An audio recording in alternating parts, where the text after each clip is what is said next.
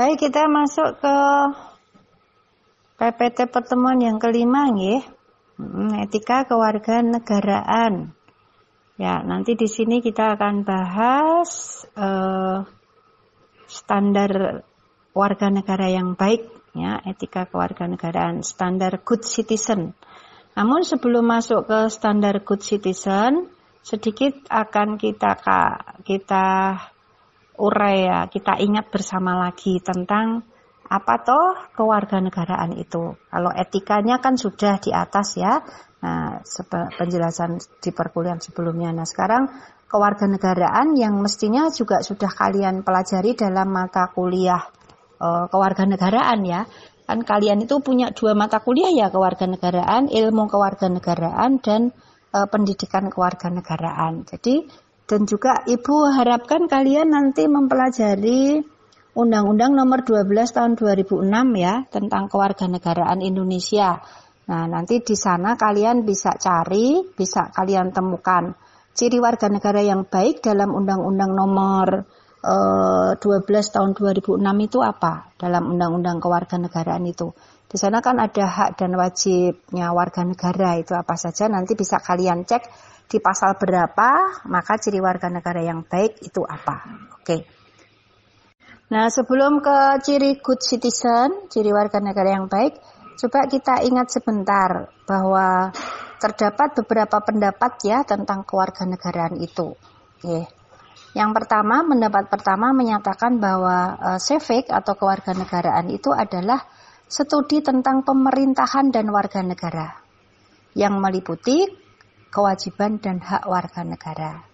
Jadi dalam uh, pendapat yang pertama ini, ya, dalam pendapat yang pertama ini, bahwa kewarganegaraan itu, kewarganegaraan itu secara lebih spesifik akan mengkaji, akan membicarakan tentang pemerintahan dan juga akan mengkaji tentang warga negara.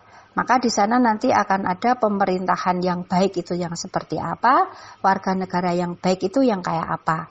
Nah, Salah satu hal pokok yang dibicarakan di sana adalah tentang e, hak dan kewajiban warga negara. Sehingga dalam etika itu salah satu ciri warga negara yang baik, salah satu ciri pemerintahan yang baik adalah pemerintahan dan warga negara yang melaksanakan e, seluruh kewajiban-kewajibannya dengan baik dan bisa menerima setiap hak yang e, mengikutinya. Nah, dalam hal ini Ibu ingatkan bahwa yang lebih dikedepankan adalah kewajiban, gitu ya, bukan hak. Tapi yang dikedepankan adalah kewajiban. Warga negara yang baik adalah warga negara yang mengutamakan kewajiban. Pemerintahan yang baik adalah pemerintahan yang e, lebih mengedepankan kewajiban. Hak itu adalah sebagai konsekuensi logis setelah kita melaksanakan kewajiban itu dengan baik dan benar. Nah, e, dalam pengertian yang pertama itu maka nanti ada beberapa peraturan gitu ya. Ada beberapa peraturan yang mm, memuat tentang e, hak dan kewajiban warga negara. Seperti contoh tadi Undang-Undang Nomor 12 eh, tahun 2006 dan juga nanti ada di UUD 1945. Pasal berapa saja yang memuat tentang e, kewajiban dan hak warga negara. Ya kan di mata kuliah Ya siapa ya ini uh, warga negaraan gitu ya ada hak dan wajib warga negara di mata kuliah pendidikan kewarganegaraan. Nah nanti kalian juga bisa lihat di UUD 1945 kewajibannya warga negara itu apa, kemudian hak warga negara itu apa. Nah pada saat warga negara Indonesia itu sudah bisa itu, nah itulah warga negara yang baik. Nah salah satunya, salah satu ciri gitu. Nah, kemudian yang kedua, uh, civic atau kewarganegaraan juga diartikan sebagai studi sosial. Ya. Nah, jadi kewarganegaraan sebagai sebuah studi sosial, ya, maka yang menjadi objek kajian, yang menjadi objek pembicaraan dari kewarganegaraan itu adalah berbagai uh, aktivitas-aktivitas yang ada di dalam masyarakat atau di dalam komunitas-komunitas sosial baik komunitas yang sifatnya lokal, komunitas yang sifatnya eh, nasional, ataupun komunitas yang sifatnya global. Jadi kewarganegaraan itu nanti membicarakan tentang uh, tadi uh, apa peristiwa-peristiwa uh, sosial peristiwa-peristiwa sosial itu sekali lagi biasanya terjadi di dalam komunitas-komunitas sosial. Bisa komunitas sosial yang lokal, RT, RW, eh, dukuh, kemudian desa gitu ya. Bisa komunitas yang nasional, Ya misalnya apa ya kabupaten itu sudah nasional ya, kabupaten, kecamatan, kabupaten, apalagi ya, ya eh, provinsi. Nah, Kemudian juga organisasi-organisasi kemasyarakatan yang sifatnya sudah sudah nasional gitu ya, organisasi-organisasi kemasyarakatan yang sifatnya nasional. Misalnya apa ya? Misalnya eh, apa ya? Organisasi-organisasi sifatnya nasional. Ya biasanya lembaga-lembaga negara itu ya. Nah, kemudian juga eh, lembaga-lembaga yang sifatnya global, komunitas-komunitas sosial yang sifatnya global, mendunia, PBB dan se sejenisnya atau dan yang setara. Nah itu bisa menjadi kajian bahasan dari uh, kewarganegaraan. Jadi, oke, okay, jadi uh, kewarganegaraan itu tidak hanya membicarakan pemerintahan dan warga negara, tapi juga membicarakan komunitas-komunitas sosial yang baik itu seperti apa, lembaga-lembaga yang baik itu seperti apa, lembaga-lembaga masyarakat yang baik itu seperti apa, lembaga-lembaga negara yang baik itu yang kayak apa, lembaga-lembaga internasional yang baik itu yang kayak apa. Nah itu uh, CIVIC diartikan sebagai studi sosial. Kemudian yang ketiga kewarganegaraan atau civic juga diartikan sebagai uh, studi tentang pendidikan. Ya, mengapa sebagai studi tentang pendidikan? Ya karena uh, bahwa manusia itu tidak akan pernah lepas dari yang namanya pendidikan, gitu kan? Manusia itu tidak pernah lepas dari yang namanya pendidikan. Maka sefek, maka pendidikan kewargan, maka kewarganegaraan itu juga membicarakan tentang lembaga-lembaga pendidikan. Maka nanti kita di sana ya akan membahas pendidikan yang baik itu yang kayak apa. Pendidikan tingkat dasar yang baik yang apa, pendidikan tingkat sekolah menengah yang baik itu yang kayak apa, pendidikan e, di tingkat perguruan tinggi yang baik yang kayak apa. Masing-masing nanti kan ada standarnya ya. Nah, makanya SEFEK itu juga mempelajari pendidikan artinya komunitas e, komunitas-komunitas yang bergerak di dunia uh, edukasi di dunia pendidikan gitu. Maka uh, civic di sini juga diartikan sebagai civic education, pendidikan uh, kewarganegaraan. Artinya bahwa uh, di sana juga dalam kewarganegaraan itu juga mem, juga dikaji dari sudut pandang pendi, pendidikan juga bisa diartikan ke sana. Jadi kewarganegaraan juga bisa diartikan bisa dipandang atau bisa dikaji dari aspek pendidikan sekaligus kewarganegaraan itu juga mempelajari e, komunitas-komunitas yang bergerak di bidang pendidikan. Nah, berdasarkan kepada beberapa pendapat tadi, tiga ya, maka e, kewarganegaraan itu bersifat interdisipliner. Ya, interdisipliner e, terdiri dari beberapa disiplin keilmuan ya. Makanya kalau di prodi kita di PPKN itu di dalamnya nanti ada ada uh, rumpun ke ilmu, rumpun ilmunya itu macam-macam. Ada rumpun ilmu politik, ada rumpun ilmu hukum, ada rumpun ilmu filsafat, ada rumpun ilmu pendidikan. Yang satunya apa ya? Lupa saya. Oh, sosial politik ya, rumpun sosial politik. Ada lima.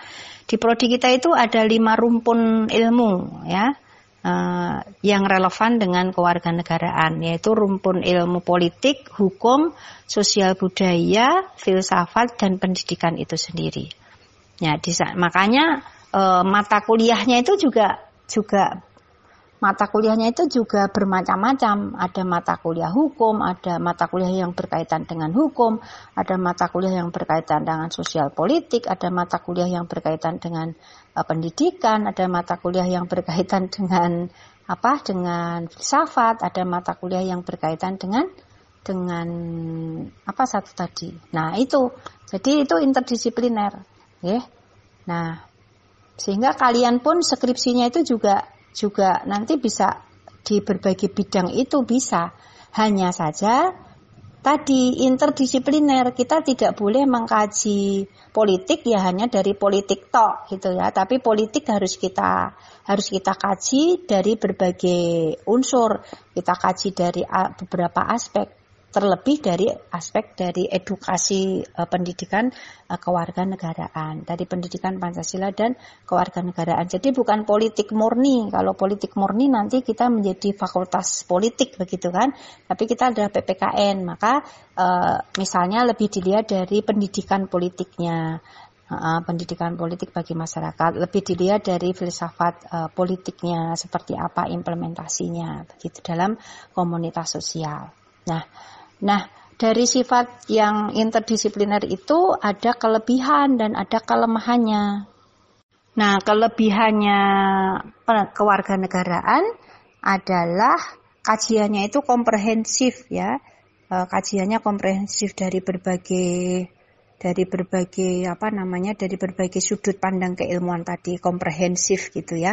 Kita membicarakan uh, politik ya tidak hanya dari sisi politik tok tapi dari sisi sosialnya budayanya uh, filsafatnya kemudian pendidikannya hukumnya begitu. Berbicara tentang hukum juga begitu. Dari sisi filsafatnya pendidikannya sosialnya budayanya dan seterusnya. Oke, tapi juga ada kelemahan. Kelemahannya apa? Kelemahannya itu eh, kekhasannya itu tidak kelihatan gitu ya. Jadi kurang khas, kekhasannya itu tidak nampak. Ya, beda dengan yang lain itu kan nampak khas gitu ya.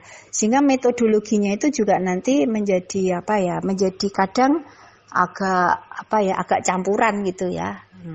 Nah, kualitatifnya itu jadi bermacam-macam, kuantitas kuantitatifnya itu kajiannya juga nanti bisa bermacam-macam. Berbeda dengan ilmu lain ya, dengan misalnya hukum itu kan ceto gitu ya, dengan pendidikan fisika, nah itu ceto, khasnya ceto gitu ya. Tapi kalau PPK PKN kewarganegaraan itu ya kekhasannya itu menjadi kurang nampak. Ya kekhasannya ya interdisipliner tadi kekhasannya itu ya kalau PKN itu melihat dari berbagai bidang tadi. Itulah kekhasannya.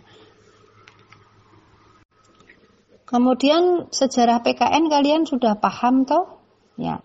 Bagaimana tahun tahun 61 itu disebut Sefek ya. Nah, makanya Pak Barjo, Pak Ekram, siapa lagi ya dulu Pak Towil dan sebagainya itu kuliahnya di di di IKIP dulu itu namanya adalah jurusannya civic hukum ya, bukan kewarganegaraan tapi civic hukum. Lalu di tahun 68, kurikulum 68 itu disebut dengan pendidikan kewarganegaraan. Kurikulum 75 sampai 84 itu disebut dengan pendidikan moral Pancasila. Kemudian di kurikulum 94 itu disebut dengan PPKN, Pendidikan Pancasila dan Kewarganegaraan. Eh di kurikulum 2004 berubah lagi jadi pendidikan kewarganegaraan saja dan di kurikulum 2013 berubah lagi jadi pendidikan Pancasila dan kewarganegaraan. Ya. Jadi memang e, mengapa begitu ya? Karena tadi PKN itu syarat e, apa ya? Syarat dengan pengaruh gitu ya. Syarat dengan berbagai pengaruh-pengaruh dari pemerintahan yang berlangsung, Eh, kemudian politik yang terjadi dan seterusnya. Nah, itu sehingga gonta-ganti begitu. Tapi ya dari gonta-gantinya nama, dari gonta-gantinya nama itu eh, kewarganegaraan itu memiliki apa ya? Memiliki maksud yang sama yaitu apa? Sebagai sarana sarana pembentukan watak dan wawasan kebangsaan. Jadi PKN dengan sekian namanya yang selalu berubah-ubah itu tetap sebagai sarana nation and character building.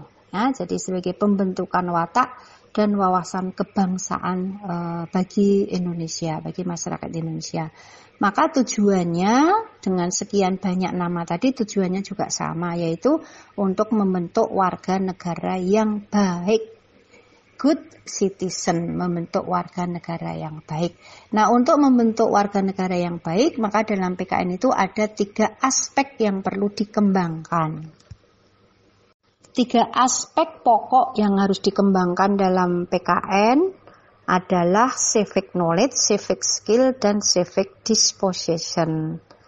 Uh, kalau kita membaca bukunya Pak Dasim, sebetulnya ini bisa dikembangkan. Jadi watak kewarganegaraan itu bukan hanya itu pengetahuan kewarganegaraan itu juga bukan hanya itu, tapi aspeknya itu banyak sekali. Saya lupa dulu itu baca di buku apa ya, di jurnal apa saya cari-cari itu belum ketemu lagi gitu ya. Saya cari belum ketemu. Jadi pengetahuan kewarganegaraan itu di nanti masih bercabang-cabang. Keterampilan kewarganegaraan itu juga bercabang-cabang. Watak kewarganegaraan itu juga bercabang-cabang. Ini saya dulu itu ikut seminar ya ada ada makalah tentang ini tapi kok tak cari-cari itu di rak buku kok belum ketemu ini. Ya mudah-mudahan doakan ketemu ya. Atau mungkin dari Bu Siva dan Pak Didi atau Pak Trisna itu sudah sudah memberikan cabang-cabangnya. Nah, kalau sudah ada, nanti malah dari kalian saja ya disampaikan. Makasih.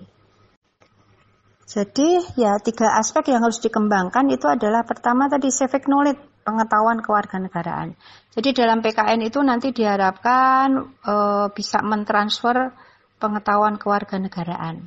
Ya uh, apa ya uh, syarat menjadi warga negara, bagaimana caranya, pengertian pengertian warga negara itu apa, hak dan kewajibannya apa saja, caranya menjadi apa hukum-hukum yang berlaku apa, bagaimana mengurus kewarganegaraan. Nah, itu semuanya menjadi pengetahuan kewarganegaraan. Gitu, oke? Termasuk hak dan kewajiban warga negara. Nah, setelah uh, pengetahuan kewarganegaraan itu diberikan atau ditransfer, maka setelah itu diharapkan bukan hanya berhenti sebatas sebagai pengetahuan, sebatas sebagai konsep, tapi harus di diwujudkan. Maka yang kedua itu nanti kita harus memiliki harus bisa menorehkan, harus bisa e, melatih warga negara itu untuk memiliki keterampilan kewarganegaraan, civic skill, terampil sebagai warga negara, terampil ngurus, terampil melaksanakan kewajiban, terampil ngurus hak, ya, terampil bergotong royong, terampil ya sekian banyak hak, terampil sekian terampil sekian banyak melaksanakan kewajiban terampil sekian, ngurus sekian banyak hak yang harus dipenuhinya, yang harus didapatnya. Jadi ini yang dimaksudkan. Jadi jangan jangan hanya punya pengetahuan tapi tidak terampil mengimplementasikan. Nah, setelah terampil e, melaksanakan kewajiban, terampil mengurus hak, ya, terampil mentaati berbagai peraturan-peraturan yang berlaku, maka setelah itu terampil di mana-mana terampil, maka kemudian akan menjadi watak kewarganegaraan, civic disposition. Nah, watak kewarganegaraan. Jadi seperti apa wataknya warga negara Indonesia itu? Nah, nah watak sebagai warga negara Indonesia itu ya sesuai dengan peraturan-peraturan yang berlaku tadi ya dan itu semuanya sudah ada di di Undang-Undang Dasar 1945 juga sudah ada di eh, mana di tadi di Undang-Undang Nomor eh, 12 tahun 2006 Undang-Undang Kewarganegaraan. Ya, di sana nanti ada dan nanti ada beberapa standar yang lain ya. Itu Ibu baru bicara dua standar. Oke. Okay tapi belum detail nggih. Yaitu civic disposition. Ini banyak sekali cabangnya juga. Salah satunya adalah civic virtue ya. Civic virtue. Jadi uh, apa civic virtue. Nah ini nanti ada nggih kebajikan kewarganegaraan intinya begitu. Nah adik-adik saya kira itu dulu nggih. Nanti kita teruskan. Nah, besok. Tapi begini adik-adik. Besok itu ibu itu dapat jadwal anu apa jenenge? Vaksin vaksinasi covid. Besok ibu itu dapat jadwal vaksinasi covid. Nah untuk itu nampaknya kuliah kita yang jam 8.45 itu tidak bisa berlangsung karena jadwal ibu itu jam 9 otomatis kan antri barang toh. Nah kalau berkenan maka jadwal kita yang besok itu kita ganti Senin depan saja ya biar longgar biar biar apa ya biar cemeplong. Kalau nanti cuma sebentar itu nggak enak saya gitu ya belum melakukan kewajiban dengan baik. Nah makanya kalau berkenan kita ganti Senin depan untuk pertemuan kita yang ketujuh. Gitu ya.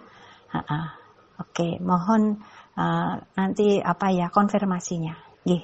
saya kira itu hari ini sudah jam 16 mohon maaf sebetulnya kurang lima menit ya tapi nggak apa-apa ya.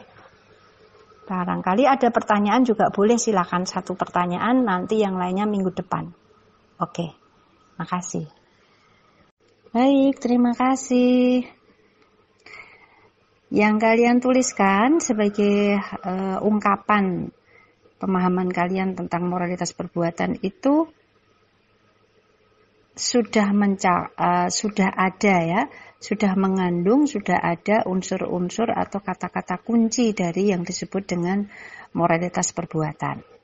Nah, lalu secara ringkas dan jelas apa toh moralitas perbuatan itu? Nah, secara ringkas dan mudah-mudahan jelas, moralitas perbuatan itu adalah singkatnya adalah kadar baik buruknya perilaku manusia kadar kualitas baik buruk perilaku atau perbuatan manusia. Sama-sama berbuat kebaikan, kadar atau kualitas baik atau buruknya itu berbeda-beda. Contoh,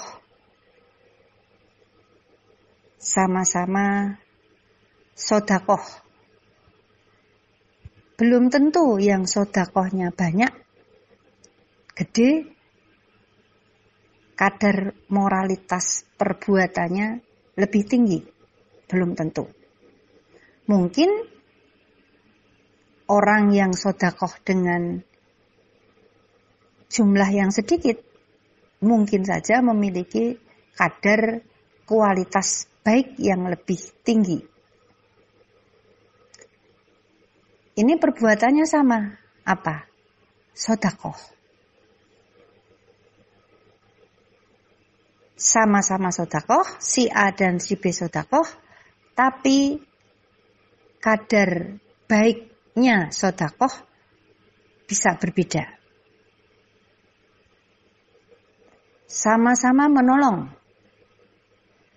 Yang satu menolong karena tahu siapa yang ditolong, yang satu menolong betul-betul nggak ngerti siapa yang ditolong. Sama-sama menggotongnya, sama-sama memberikan pertolongan.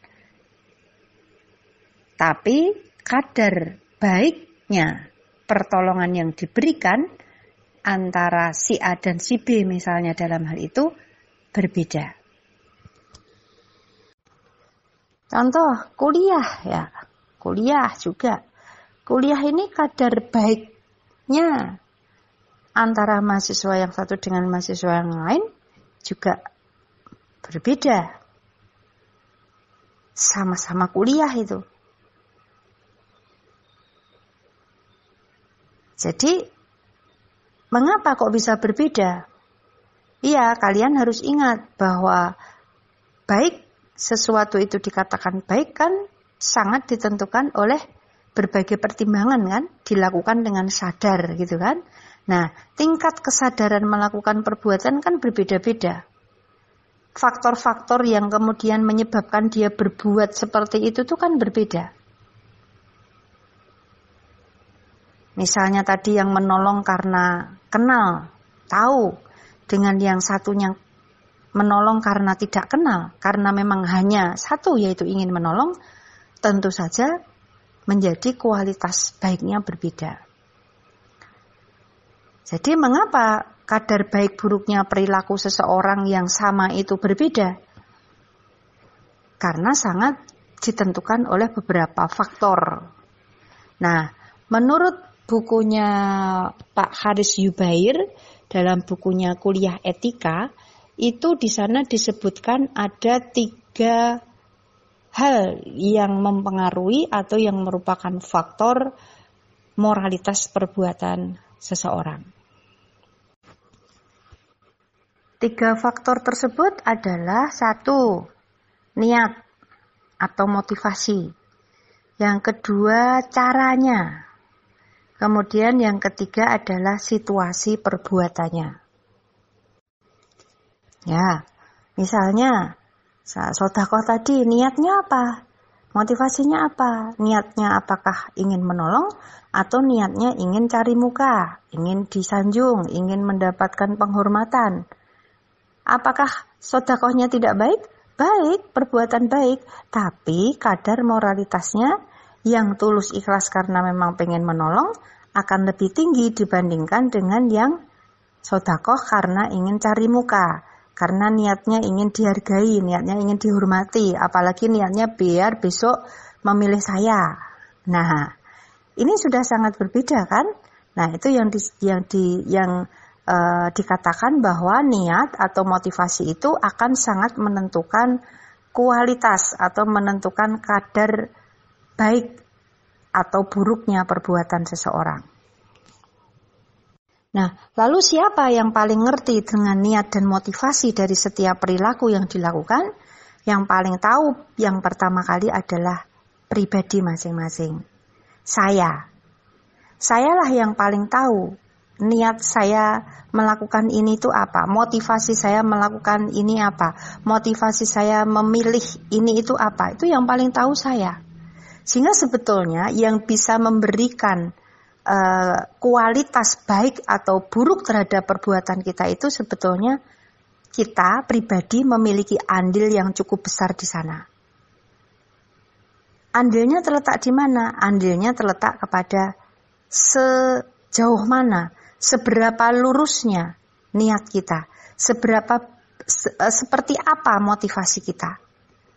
Apakah motivasi dan niat kita itu lurus, sungguh-sungguh hanya ingin melakukan perbuatan itu demi baiknya kita atau ya, atau kita melakukan sesuatu itu niatnya motivasinya adalah hal-hal karena di luar diri kita.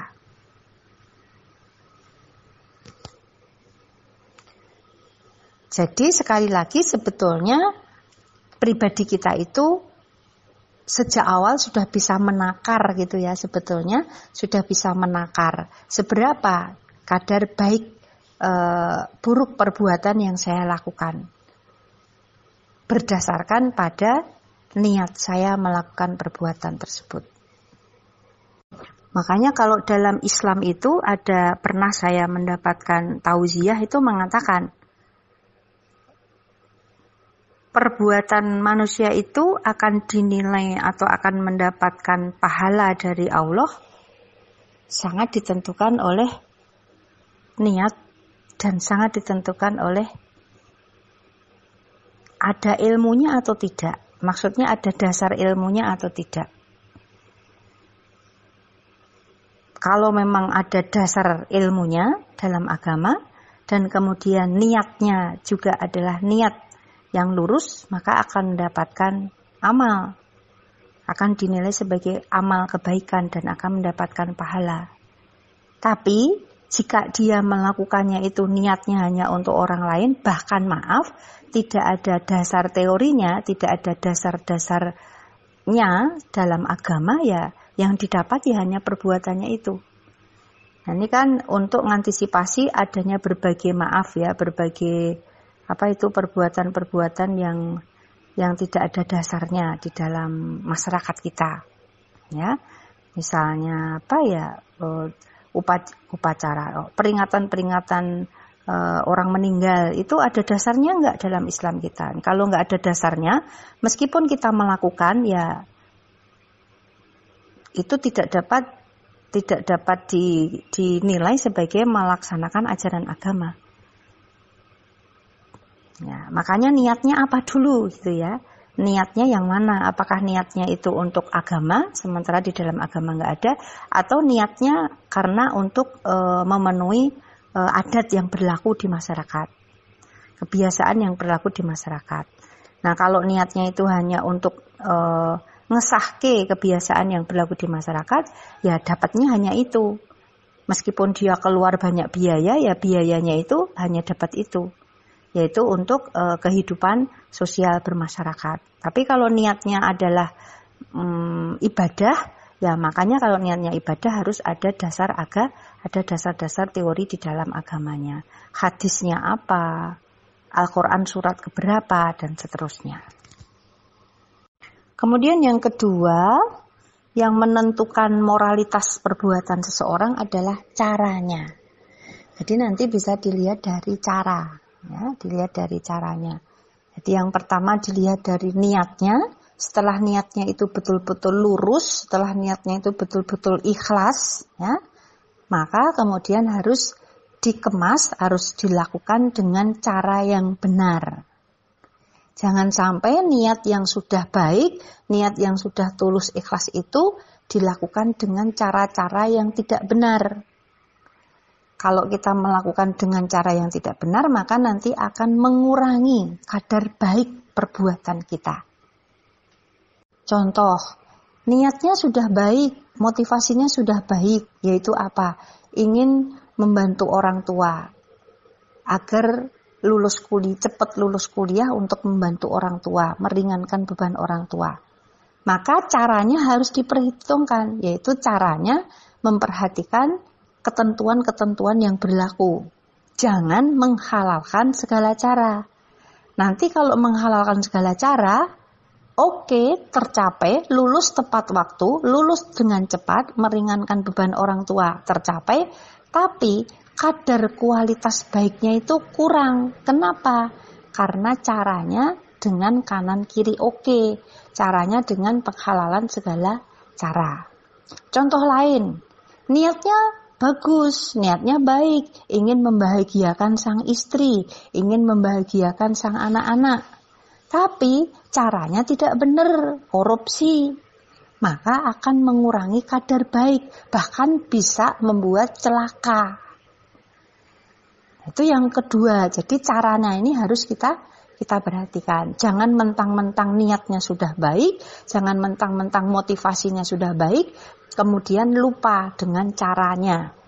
Nah, cara yang kita pilih tentu saja adalah cara-cara yang sesuai dengan ketentuan-ketentuan yang berlaku, dengan norma-norma yang berlaku, dengan peraturan-peraturan yang sudah ditentukan. Yang ketiga, menurut Pak Haris Yubair, yang menentukan moralitas perbuatan, yang menentukan kadar baik buruknya perilaku manusia adalah situasi perbuatan. Apa itu situasi perbuatan? Situasi perbuatan adalah ya e, kondisi real saat perbuatan itu dilakukan. Misalnya, sudah berapa kali kuantitas perbuatan itu? Kuantitas sudah berapa kali? Misalnya ya, misalnya eh, korupsinya ter, mah jangan korupsi lah, ya korupsi lah mungkin korupsinya sekali itu pun sedikit gitu ya. Nah mungkin masih bisa di masih bisa orang kadang mungkin masih bisa bisa menerima atau bisa memaafkan atau bisa memaklumi atau kemudian sanksinya tidak terlalu berat begitu ya. Tapi kalau kemudian keluar dia korupsi lagi, bahkan lebih gede, nah ini nanti hukumannya harus lebih berat. Kenapa? Karena situasi perbuatannya dia sudah melakukannya lebih dari satu kali, bahkan ini lebih berani. Katakanlah terlambat kuliah ya. Niatnya baik tadi ya. Maaf terlambat kuliah misalnya. Nah terlambat kuliah. Situasi perbuatan kuliah itu berapa kali sudah dilakukan keterlambatannya? Numpuk tugas tidak numpuk tugas. Mungkin sekali bisa dipahami. Tapi kalau sudah dua kali tiga kali nah maka itu situasi perbuatan akan membuat kita akan menilai, kita akan mengatakan bahwa perbuatan seseorang itu menjadi kualitasnya menjadi semakin rendah kualitas baiknya. Nah, itu dilihat dari segi kuantitas sudah berapa kali. Lalu juga bisa dilihat dari media yang digunakan, alat yang digunakan. Ya, makanya ini biasanya uh, juga dalam konteks uh, persidangan itu akan menjadi sangat menentukan ya. Jadi kalau orang sudah nggak baik itu biasanya kan nggak benar gitu kan. kalau orang yang nggak baik itu biasanya sudah nggak benar. Karena tak sudah menyimpang, caranya sudah sudah menyimpang dari ketentuan yang berlaku. Maka alatnya itu juga misalnya menggunakan alat yang sederhana dengan alat yang sudah canggih.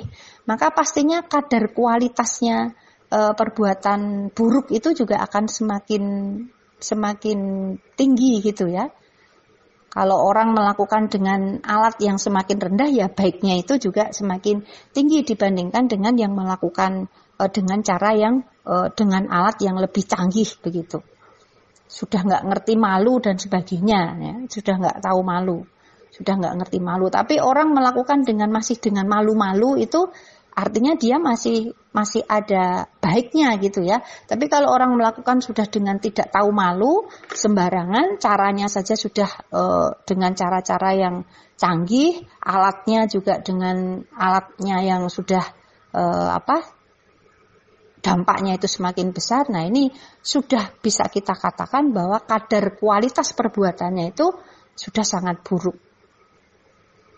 Kalau orang melakukan kebaikan dengan cara-cara yang sangat e, sesuai dengan ketentuan-ketentuan yang berlaku, juga memperhatikan alatnya, medianya juga dipilih yang media yang paling tepat, maka itu kualitas baiknya juga semakin tinggi. Kemudian kalau itu berupa kata-kata ya, berupa kata-kata, berupa kalimat, maka situasi perbuatan itu bisa berupa e, intonasi ya, bisa berupa intonasinya menyampaikan kalimat, bisa menya, e, gayanya menyampaikan kalimat itu. Jadi sama-sama menegur misalnya ya, sama-sama menegur dengan kalimat tertentu, e, kita bisa lihat dari dari caranya, dari dari intonasi dan dari gayanya menyampaikan. Oh, kalau dengan cara yang wow, wow, wow membentak-bentak ya itu ya baik tapi kurang kadar kualitas baiknya menjadi kurang. Tapi kalau orang menegur dengan cara yang uh, santun juga dengan alat yang uh, pas juga, maka kadar baiknya menjadi semakin tinggi. Ya, jadi itu yang di, adik-adik yang dimaksud dengan moralitas perbuatan. Moralitas perbuatan. Jadi kadar baik buruknya perbuatan seseorang. sama-sama berbuat baik sama-sama berbuat buruk, tapi kadarnya bisa berbeda-beda. Sangat ditentukan oleh niatnya atau motivasinya, sangat ditentukan oleh e, caranya, dan juga sangat ditentukan oleh situasi perbuatannya. Nah, lebih lanjut, Pak Haris Yuber menjelaskan motivasi, niat, cara, yang dipilih dan kemudian situasi perbuatan uh, yang dia lakukan itu akan ditentukan oleh yang disebut dengan kesadaran moral atau yang disebut dengan conscience. Ya, jadi uh, lurus tidaknya niat kita,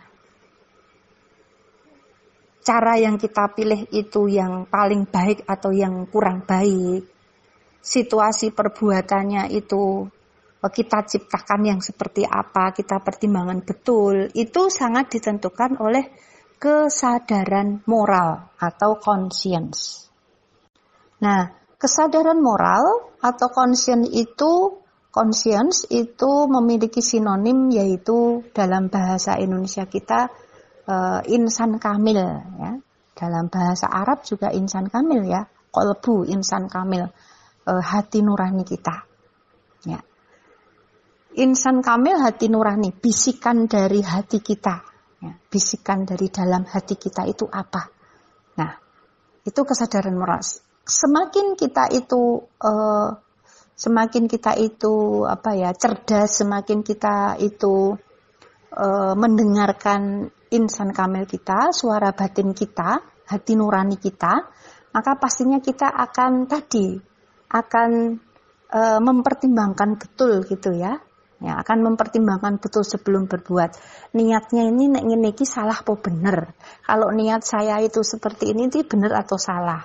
Kalau caranya saya begini itu bener apa belum? Itu akan dipertimbangkan betul. Kalau dia, kalau seseorang itu mendengarkan hati nuraninya.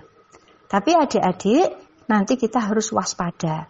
Sama-sama muncul dari dalam diri kita, tapi belum tentu itu adalah suara hati. Belum tentu itu adalah insan kamil. Belum tentu itu bisikan hati nurani kita yang menurut Pak Haris itu cenderung baik. Ya, cenderung baik. Jadi suara hati nurani itu akan cenderung baik.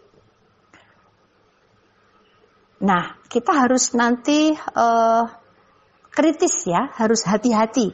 Jangan sampai ternyata yang muncul dari suara yang muncul dari dalam diri kita itu ternyata bukan suara insan kamil, tapi maaf suara tohut ya. Suara tohut, suara setan. Mengapa? Karena tohut itu sebetulnya juga ada di dalam tubuh kita, gitu kan? Masuknya melalui aliran darah ya. Nah, itu kan otomatis suaranya juga muncul dari dalam diri kita.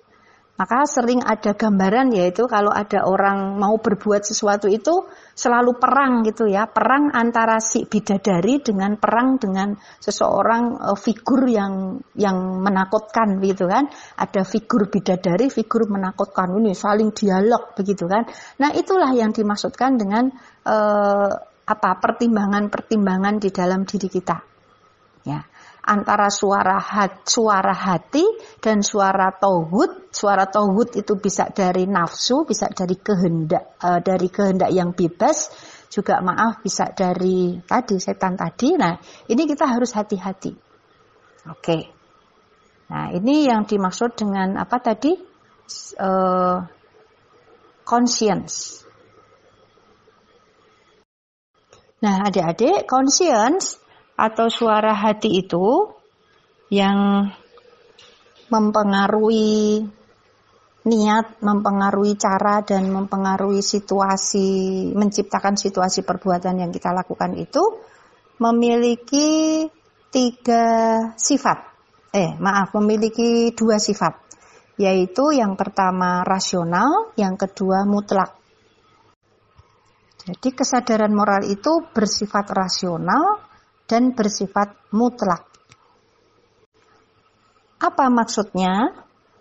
Pertama, kesadaran moral bersifat rasional itu dalam arti kesadaran moral e, suara hati itu bisa diperdebatkan. Bisa didebatkan, bisa diargumentasikan.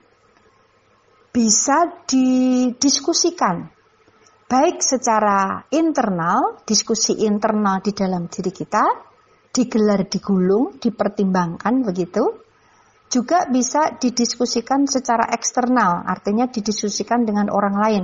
Ini kok saya itu eh, hati nurani saya kok mengatakan begini ya, sebaiknya bagaimana ya? Nah, jadi ini yang dimaksud dengan kesadaran moral itu bersifat rasional. Jadi bisa dirasionalisasi bisa diperdebatkan, bisa didiskusikan. Tujuannya apa? Tujuannya adalah untuk lebih meningkatkan kualitas baik. Tujuannya adalah untuk meyakinkan bahwa suara hati kita itu bahwa apa bahwa apa yang muncul dari dalam diri kita itu adalah memang yang terbaik. Memang sudah baik. Syukur menjadi yang terbaik. Ya, jadi uh, kesadaran moral atau suara hati itu uh, bukan pokoknya ya, bukan pokoknya, bukan bukan pokoknya begitu, tidak. Tapi sekali lagi masih terbuka bagi kita untuk kita rasionalisasi, untuk kita argumentasikan, untuk kita mintakan pendapat, untuk kita uh, gelar dan gulung di dalam diri kita. Jadi rasionalisasi secara internal maupun rasionalisasi secara eksternal. Jadi ini hati nuraninya, suara hati saya mengatakan begini. Tapi itu menurut teori yang saya pelajari itu begini. Piye? Nah itu. Jadi agar apa? Agar suara hati nurani kita itu nanti juga e, memiliki dasar-dasar teoritik yang bisa dipertanggungjawabkan.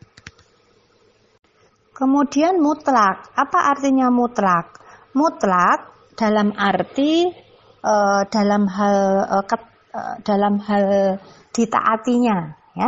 Jadi kesadaran moral, suara hati yang sudah kita rasionalisasi secara internal maupun eksternal dan kemudian itu kita menjadi yakin inilah yang baik ataupun terbaik dan kemudian kita pilih maka kita itu harus taat gitu ya, harus taat. Taat gimana? Taat untuk memilihnya, taat untuk melakukannya. Jadi jangan sampai setelah hati nurani kita itu kita dialogkan, suara hati nurani kita dialogkan, eh, sudah kita eh, pastikan, sudah kita lebih yakinkan, eh ternyata kita tidak mentaatinya. Maka mutlak untuk ditaati gitu ya. Jadi yang namanya insan kamil atau hati nurani itu mutlak untuk ditaati, harus ditaati. Kalau tidak ditaati, maka nanti akan berkonsekuensi. Nah, mengapa kok hati nurani itu harus ditaati?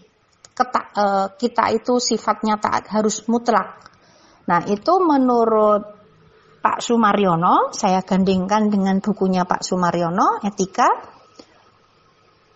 itu nyambung dengan fungsinya conscience atau fungsinya kesadaran moral. Nah, fungsi conscience atau fungsi kesadaran moral itu ada tiga. Jadi suara hati nurani kita itu memiliki tiga fungsi. Pertama, sebagai indeks, yang kedua sebagai iudek, dan yang ketiga sebagai findek. Pertama, suara hati kita yang sudah kita rasionalisasi tadi adalah memberi petunjuk kepada kita. Memberi petunjuk, ini lo yang mestinya kamu pilih, ini lo yang kamu harus tinggalkan, ini lo yang kamu harus kerjakan.